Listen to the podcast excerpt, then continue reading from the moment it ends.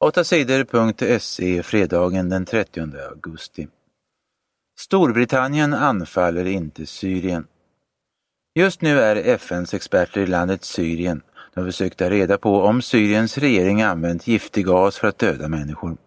USA har sagt att de kommer att anfalla Syrien om regeringen har gjort det. USA vill ha med andra länder i anfallet. Men de andra länderna har börjat tveka. Storbritanniens premiärminister David Cameron har tidigare sagt att Storbritannien ska anfalla Syrien. Nu har han tvingats ändra sig. På torsdagen röstade politikerna i Storbritanniens riksdag. De flesta ville inte anfalla Syrien. Cameron lovade att göra som politikerna vill. USA säger att de kommer att attackera Syrien även om inga andra länder vill det. Antagligen kommer de att vänta till nästa vecka. Då ska FNs experter vara klara med sin undersökning i Syrien. Elfsborgs mål är värt miljoner. Elfsborg får spela vidare i Europa League i fotboll. På torsdagen vann Elfsborg mot det danska laget Nordsjälland på bortaplan. Elfsborg vann med 1-0. Det var Mikkel Bäckman som gjorde målet på en snygg nick. Målet kändes lite konstigt för honom. Några veckor sedan spelade han i Nordsjälland. Nu såg han till att hans gamla lagkamrater åkte ur Europa League. Men Elfsborg får spela vidare. Det betyder bland annat att klubben tjänar 20 miljoner kronor. Elfsborg är det enda svenska lag som är kvar i en turnering utomlands. Alla andra svenska lag har förlorat och åkt ur. Hårda straff för liga i Södertälje.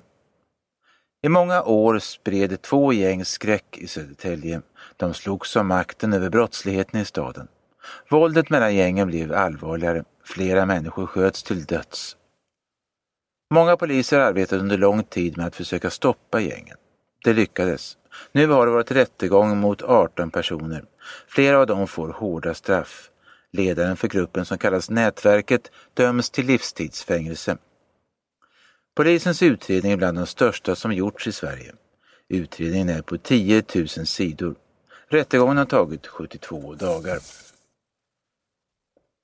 Sedan männen greps har det varit färre brott i Södertälje. Förra året var det också en rättegång mot ligan, men den fick göras om. En av dem som skulle döma blev inte godkänd.